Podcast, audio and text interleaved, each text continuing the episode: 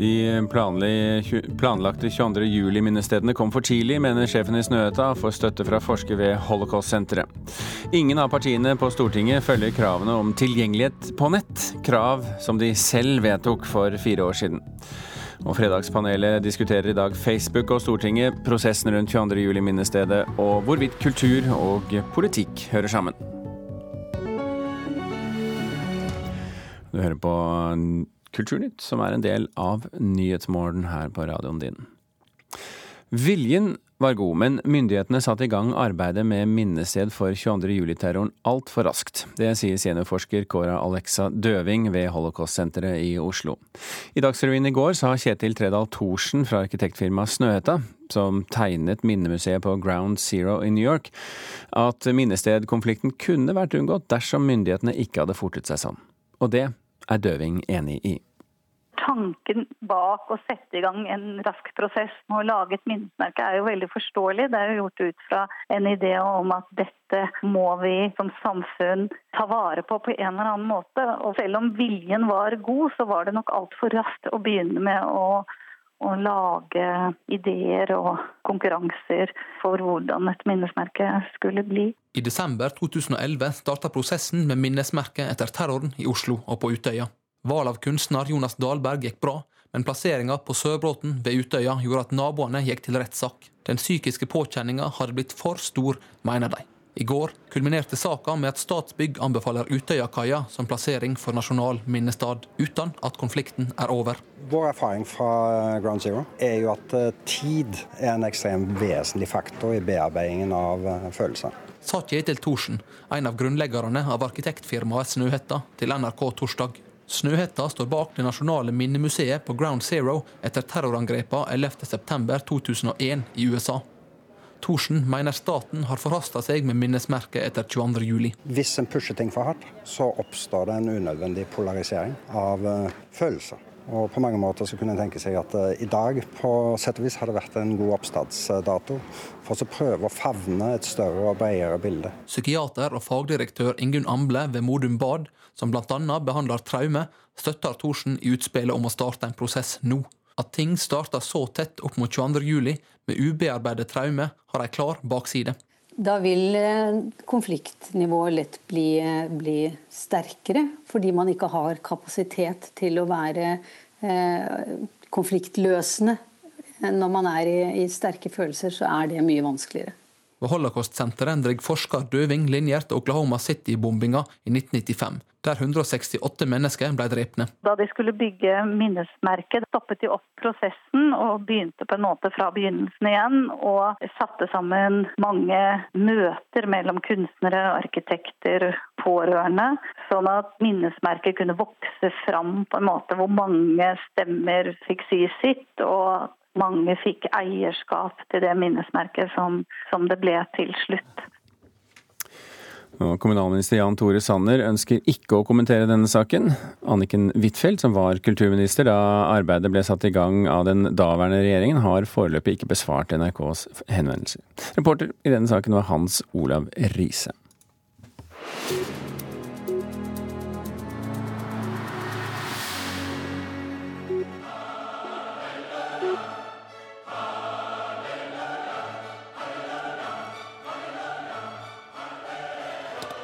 Dette var musikken til eh, Petter Sommer, hans inntreden i studio. Du har lest avisen i dag, eh, du har lest avisen i dag, Petter. Eh, vi begynner med Vårt Land, og dette er musikk fra kor. Det er tematisk musikk, for nå skal vi snakke om kor. Vi skal snakke om Norges Korforbund, som vil stanse den årlige piratkopieringen av noter for ti millioner kroner. En verdi av ti millioner kroner. Man skal jo kjøpe notene man uh, synger. Ikke stjele, sier Korforbundet. Og det er visst eh, de minste korene i Norge som stjeler mest, sier de. Så å kopiere noter, skyte seg selv i beinet, er det det man kaller det? Ja, det kan være sånn. Fordi disse ti millioner kronene skal jo egentlig brukes på å skrive flere noter for kor. Mm. Så hopper vi til Norges største og trolig dyreste byggeprosjekt noensinne. Fremtidens regjeringskvartal i Oslo. Ja, det er Klassekampen som har intervjuet en rekke av landets største kjennere av god arkitektur. Og de er sterkt imot eh, planene, fordi de mener at regjeringskvartalet blir for høyt og massivt. Og her er det snakk om høyde på 19 etasjer, og i et ganske stort og sentralt område midt i, i hovedstaden. Men det er visst håp for motstanderne av regjeringskvartalet. Det mener i hvert fall fall eh, den kjente arkitekten og byplanleggeren eh, Petter Butenschøn. Han sier nemlig at han tror planene blir eh, reversert hvis vi får en ny regjering etter valget. Er, ikke han Arbeiderpartimedlem, eller? Det står det i Klassekampen ja, i hvert fall. Så han har kanskje inside-informasjon? Inside det kan være mulig.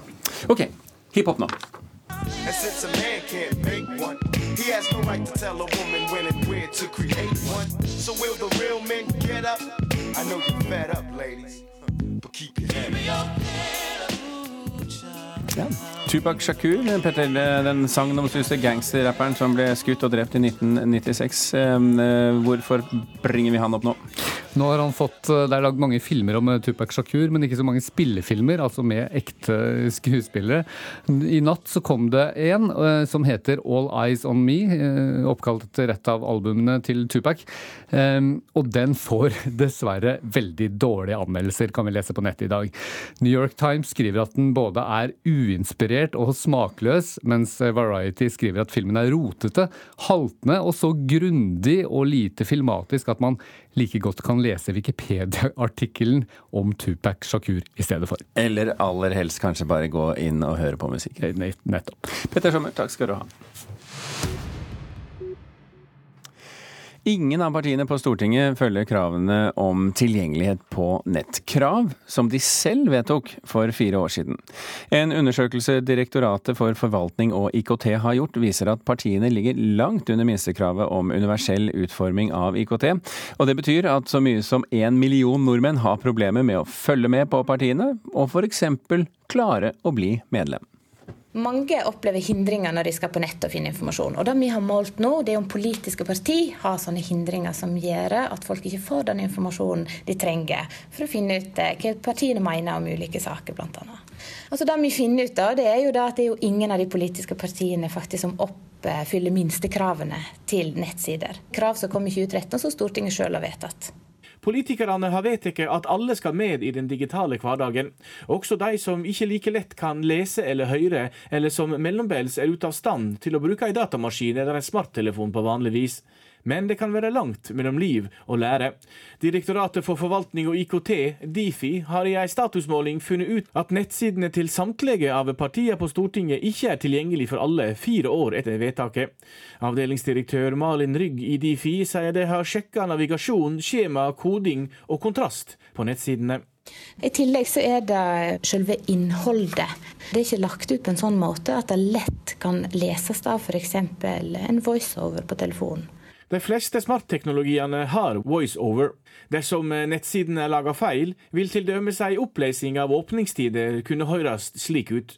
Åpningstider vinter, sommer, mandag 10 til 17.09 til 19. Men er nettsiden gjort riktig, vil åpningstidene sommer og vinter bli lest opp rett. Åpningstider vinter, mandag 10 til 17. Sommer, mandag 09 til 19. I løpet av livet så vil vi alle oppleve å møte hindringer. De fleste av oss mister en eller annen form for funksjon når vi blir eldre. Vi hører gjerne litt dårligere, vi ser litt dårligere. Vi kan ha senebetennelse eller andre forbigående problemer, eller en kan ha større, varige funksjonsnedsettinger. Det betyr at alle vil jo ha nytte av at en følger disse kravene her. Kristelig Folkeparti sin nettside er verst, med bare 31% av kravene i samsvar med forskrifta. Arbeiderpartiet er best, med 81% ifølge undersøkinga. Men ingen av partiene når altså minimumskravet. Aller dårligst resultat er det på skjema. Det er litt overraskende, tenker jeg, nettopp fordi det er dialogen mellom partiene og de eh, som bruker nettsidene deres. Så det her eh, har de litt å jobbe med. Kommunikasjonssjef Mona Høvseth i Kristelig Folkeparti er forundra over at eh, partiet hennes kommer dårligst ut. Jeg må innrømme at det her er veldig overraskende. For den forskriften lå til grunn da vår leverandør skulle utvikle en ny nettside på KrF. Og den ble lansert i 2015. Vi kommer selvfølgelig til å studere den nøye eh, og se hvordan vi kan sette inn tiltak for å gjøre nettsidene våre mer tilgjengelige. For universell utforming er veldig viktig for oss. Husk på at hvis ikke du har følger minstekravene her, så kan du stenge ute så mange som 20 av eh, befolkningen. Og da tenker jeg Det er jo ingen som vil det. Heller ikke politiske partier regner med at de har lyst til å nå så mange som mulig. Reporter her, det var Odd Helge Brugran.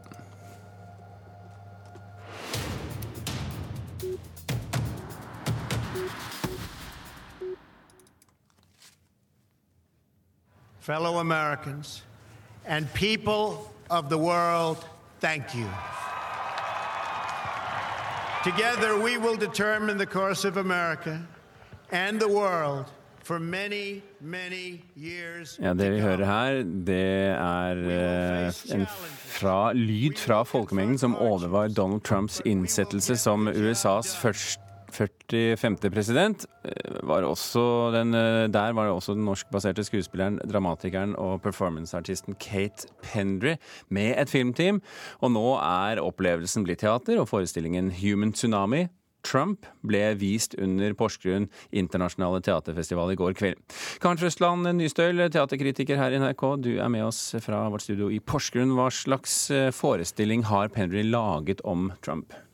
Hun har laga en monolog som hun skrev på flyet hjem fra Washington, full av inntrykk etter disse innsettelsesdagene.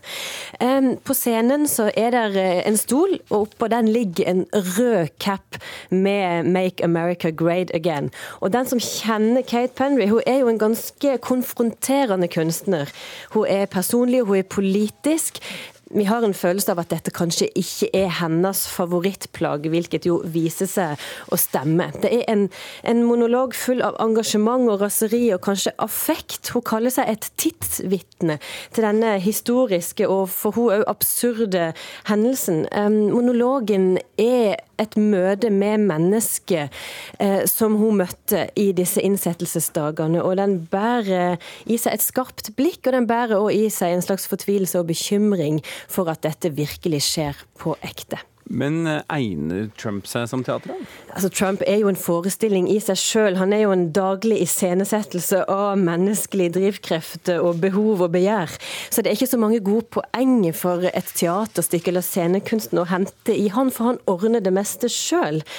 Eh, men denne human tsunami, altså denne tsunamibølgen eh, For Pendry så er denne alle de menneskene som er, som er helt like, som går omkring med denne røde capen, og som, som meg som, som, som er hovere, på en måte, opplever hun som. De har vunnet valget og fortsetter å trykke ned de som tapte, som om det var en kamp man skulle vinne, som om man skulle bli, bli best. Og det hun gjorde da, det var å ta på seg denne Trump-capen. Hun er selv feminist og liberal, men når hun tok på seg denne capen, så ble hun en i mengden og slapp dette spisse blikket fra de som hadde vunnet valget. Men, men hvordan blir dette på scenen? Eh, gjør hun narr av Trump? Er det det som er hennes prosjekt? Nei, nei. Hennes, eh, dette er jo en monolog hun forteller, og det er ganske åpent og ærlig og selvfølgelig helt tydelig hva hun mener rent politisk.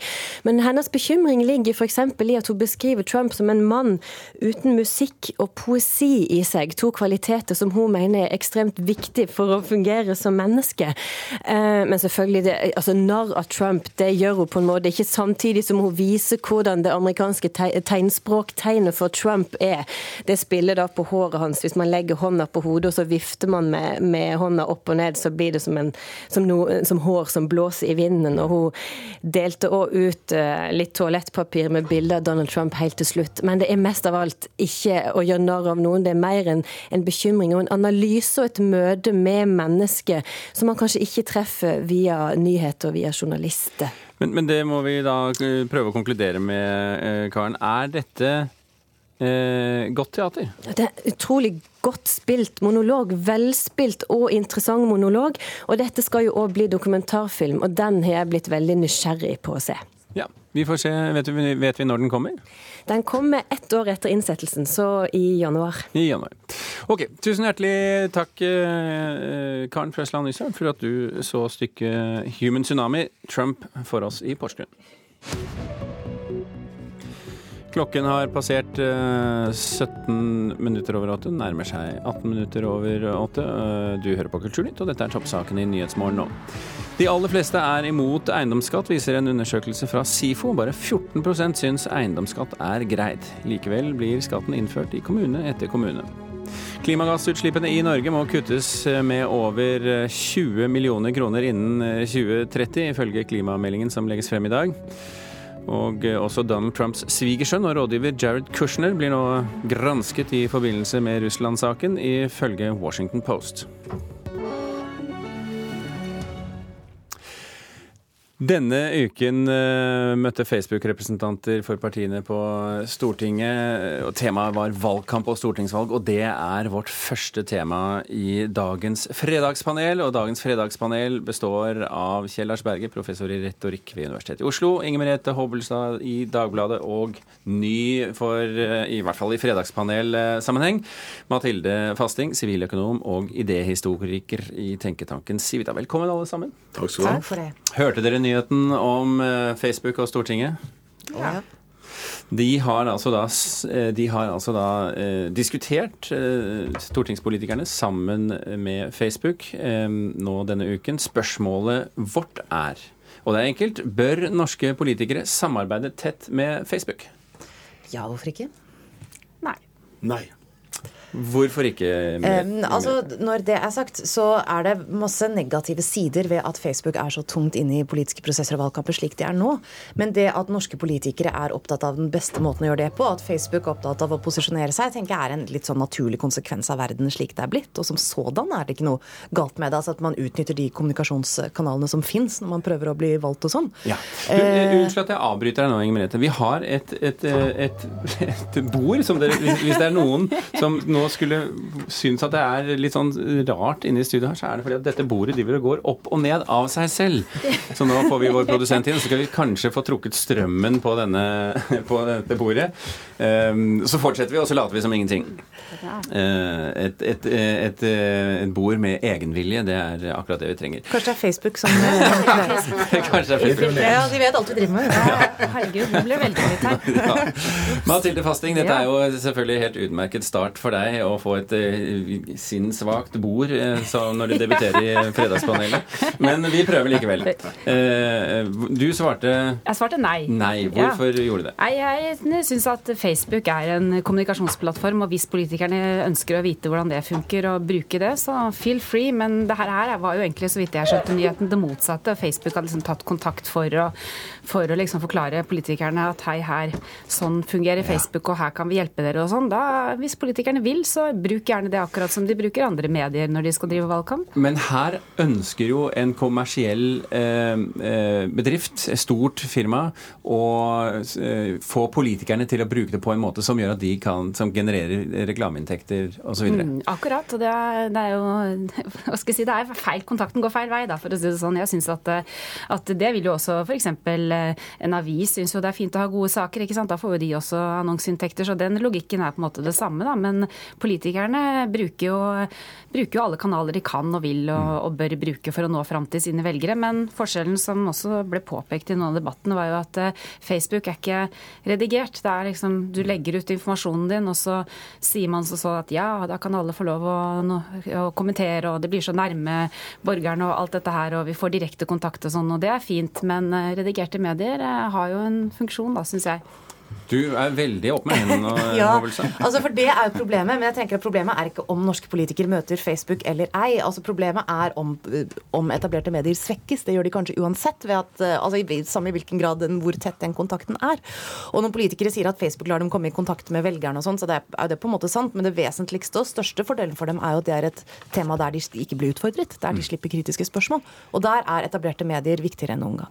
Du har rynket litt på eh, Ja, nei, jeg, jeg syns jo det er veldig merkelig at Facebook helt hele tatt inviterer seg selv til norske politikere. Det er jo er det for å markedsføre seg selv, liksom. Altså, I så måte så har ikke politikerne noen grunn til å snakke med dem i det hele tatt. Altså, slik jeg ser på Facebook, så er det rett og slett et møtested hvor hvem som helst kan skravle i vei. Det er en arena som noen smartinger i USA har klart å etablere, og som er worldwide, og der kan alle delta. Det koster ingenting. Men så lever de da av at det legges inn massevis av reklame der, da.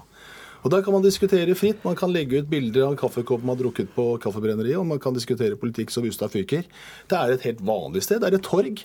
Mm. Og eh, Om politikere deltar der eller ikke, det er også helt åpent. Det kan du gjøre. Noen politikere gjør det, og noen gjør det bra, og noen gjør det veldig dårlig. og noen er det ikke der i det hele tatt. Sånn at det er alle, alle muligheter til stede. Men som det, vi, det, er i samfunnet men, for øvrig. Men det vi så under valget i USA, var at Facebook hjalp politikere å treffe nøyaktig Eh, et, en demografi, og derav eh, få en slags eh, fordel i valgkampen?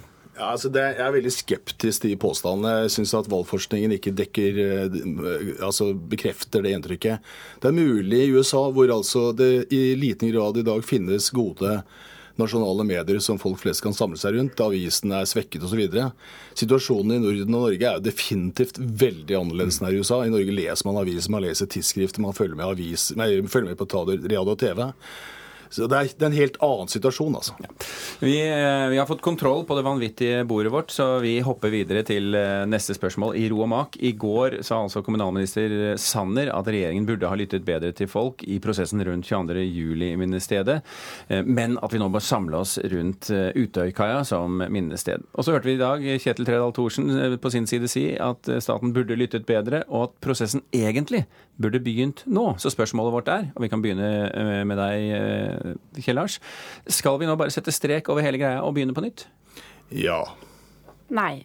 Nei. Hvorfor sa du ja? Nei, altså, Jeg syns jo dette er en veldig underlig sak. Og jeg personlig syns det er veldig merkelig at hvorfor ikke kunne man bygge dette fantastisk flotte minnesverket som denne svensken har laget for det norske samfunnet. Det er jo et strålende monument, og jeg begriper ikke reaksjonene på det. Og så skjønner jeg jo samtidig at dette er en eh, gordisk knute. Det er nesten en uforsonlig konflikt. Det kommer sannsynligvis til å vare i årevis, fordi at dette har jo satt seg. da. Så da er det tenker jeg, pragmatisk fornuftig å på en måte starte på nytt og prøve å finne ut av det, slik at det blir et monument med tid og stunder. da. Mm. Altså, jeg er enig i at prosessen har vært eh, veldig lang, og at man, man, må på en måte ta det med i betraktning når man ser på noe nå. Men jeg er også enig i at kunstverket er kjempefint. Så jeg, også har jeg en følelse av at de menneskene som bor der, som har vært eh, særlig eh, både berørte og nå engasjerte, selvfølgelig, eh, de ser Utøya. Altså, De sitter jo, de bor jo sånn at de ser selve stedet hvor det skjedde hele tiden. ikke sant? Så jeg, Det er jo nok i seg selv til å være en veldig veldig påminning om hva som skjer. Både selve kaia og også, også da selve øya, som du kan se fra veldig mange steder, både høyt og lavt. Så eh, det kompromisset, eller hva jeg skal si, det som har kommet fram nå, at du har kaia hvor de tross alt kom inn, og så hadde du et eh, forslag om å kjøre opp på Utsikten, som er et sted som ligger litt høyere opp. Det er kanskje en, en løsning som de bør gå for, men på et eller annet annet tidspunkt så må man sette strek. Og som han arkitekten i Snøhetta sa her også, så er det jo litt det samme med Ground Zero da, i, i, i New York, som han hadde vært eh, ansvarlig for. Snøhetta var eh, laget. Og det er tiden til hjelp, og det har gått noen år nå, så mm. man bør lande. For det handler om følelser, påpekte Tredal Thorsen. Ja, og det er jo noe av det som har vært så vanskelig med denne debatten, og som er vanskelig med så mange ting knyttet til 22.07. ikke sant? Det er jo at så mange mennesker har tunge traumer med seg fra den dagen og kan henvise til dem. ikke sant? At det er hva som nå vil være ståstedet som de har i forskjellige spørsmål her. Og det er jo ikke noe vanskelig å se for seg. ikke sant, Ha respekt for disse Utøya-beboerne som har ikke sant, sett fryktelige ting den dagen.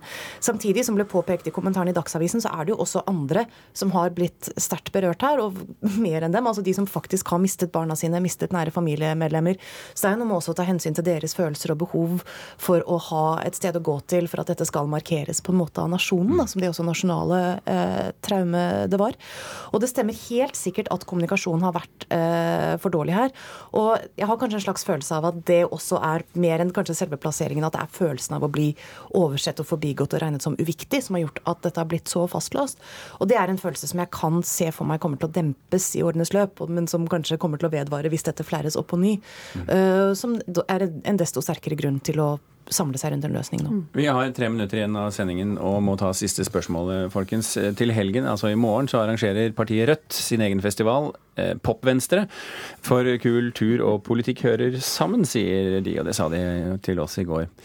Det er ikke noen grunn til å ta kunsten på alvor slik den er i dag, svarte da redaktøren i det konservative magasinet Minerva. Spørsmålet vårt er som følger. Er det det valgkampen trenger? Eh, mer kunst og kultur? Nei. Eh, for så vidt ja, men ikke på denne måten. nei. Uh, nei. OK, fasting. Jeg føler at jeg har svart nei på alle spørsmålene ja, her nå. Veldig negativ. Men eh, nei, eh, jeg hørte på det innslaget og tenkte med meg selv at eh, jeg syns egentlig at kunst fungerer jo kjempefint politisk når det, når det bare oppstår kunst som man må ta stilling til i, i hva skal vi si, All kunst lages for et publikum, ikke sant? og publikum lar seg engasjere av kunst. Det er jo det ultimate for en kunstner. Så la det nå være med det. Og så kan heller kunsten, hvis den er politisk, kjempefint, og at den treffer noen ting veldig bra, men ikke liksom gjør det motsatt vei. og så forsøker lage, lage, ta politikken først, og så kunsten etterpå? Ja, altså, min grunnholdning til kunst er at den skal være fri, den skal være autonom, den skal være frisatt eh, sånne politiske preferanser og partier. At den virker politisk, det er en helt annen sak. Men uh, poli, poli, politikk Det har du ikke noe mot? Det, det får være opp til kunstneren, for å si det sånn. Og eh, Hvis man integrerer liksom spesielle kunstneriske uttrykk i visse partipreferanser eller partipolitiske agendaer, så blir det ofte ganske døve greier. altså. Du prøvde å nyansere ja-nei-svaret ditt? Prøver alt jeg kan, dere gjør det så vanskelig. Nei, men altså At kunst og kunstpolitikk kan være tyngre inn i valgkampen, det håper jeg skjer. Det er et felt som i altfor ofte blir stemoderlig behandlet og, og, sett på som noe ekstravagant. Det jeg derimot syns man ikke trenger mer av, er politisk ladet aktivistisk kunst. For det er jo ofte kunst med ikke så fryktelig lang holdbarhetsdato. Hvis du f.eks. ser på norsk film på 70-tallet, som var veldig veldig politisk engasjert i forskjellige av tidens temaer, ser du nå virker som det er laget i steinalderen. Altså, det er nesten ingenting som føles som det taler til liksom, noen menneskelig kjerne i deg. Så eh, for aktivistisk kunst ender ofte med å bli banal, både politisk og psykologisk. Eh, men den kunsten som da er kompleks, den skal man kjempe for, og det må vi snakke mye mer om også i politiske debatter. En ting jeg er veldig enig i, det er at kulturpolitikk og litteraturpolitikk og kunstpolitikk bør prioriteres høyere av politikere. For det gjør det ikke. Nei, Men ikke, ikke, i, ikke som et ledd i parti. som kunst? Nei. Det, det, blir jo et litt annet spørsmål enn ikke sant? Ikke sant? at kultur og kunst og litteratur skal være en del av politikken. Ja, men, mm. men her var vel spørsmålet mer om selve kunsten i seg selv eh, skulle brukes politisk. Ja, men det, men det er jo et godt tiltak, da. Popvenstre kan jo drive og De heier på alle gode tiltak hvor det nå enn kommer fra. Eh, og et godt tiltak det er å slippe til Dagsnytt nå, fordi at eh, klokken nærmer seg halv ni.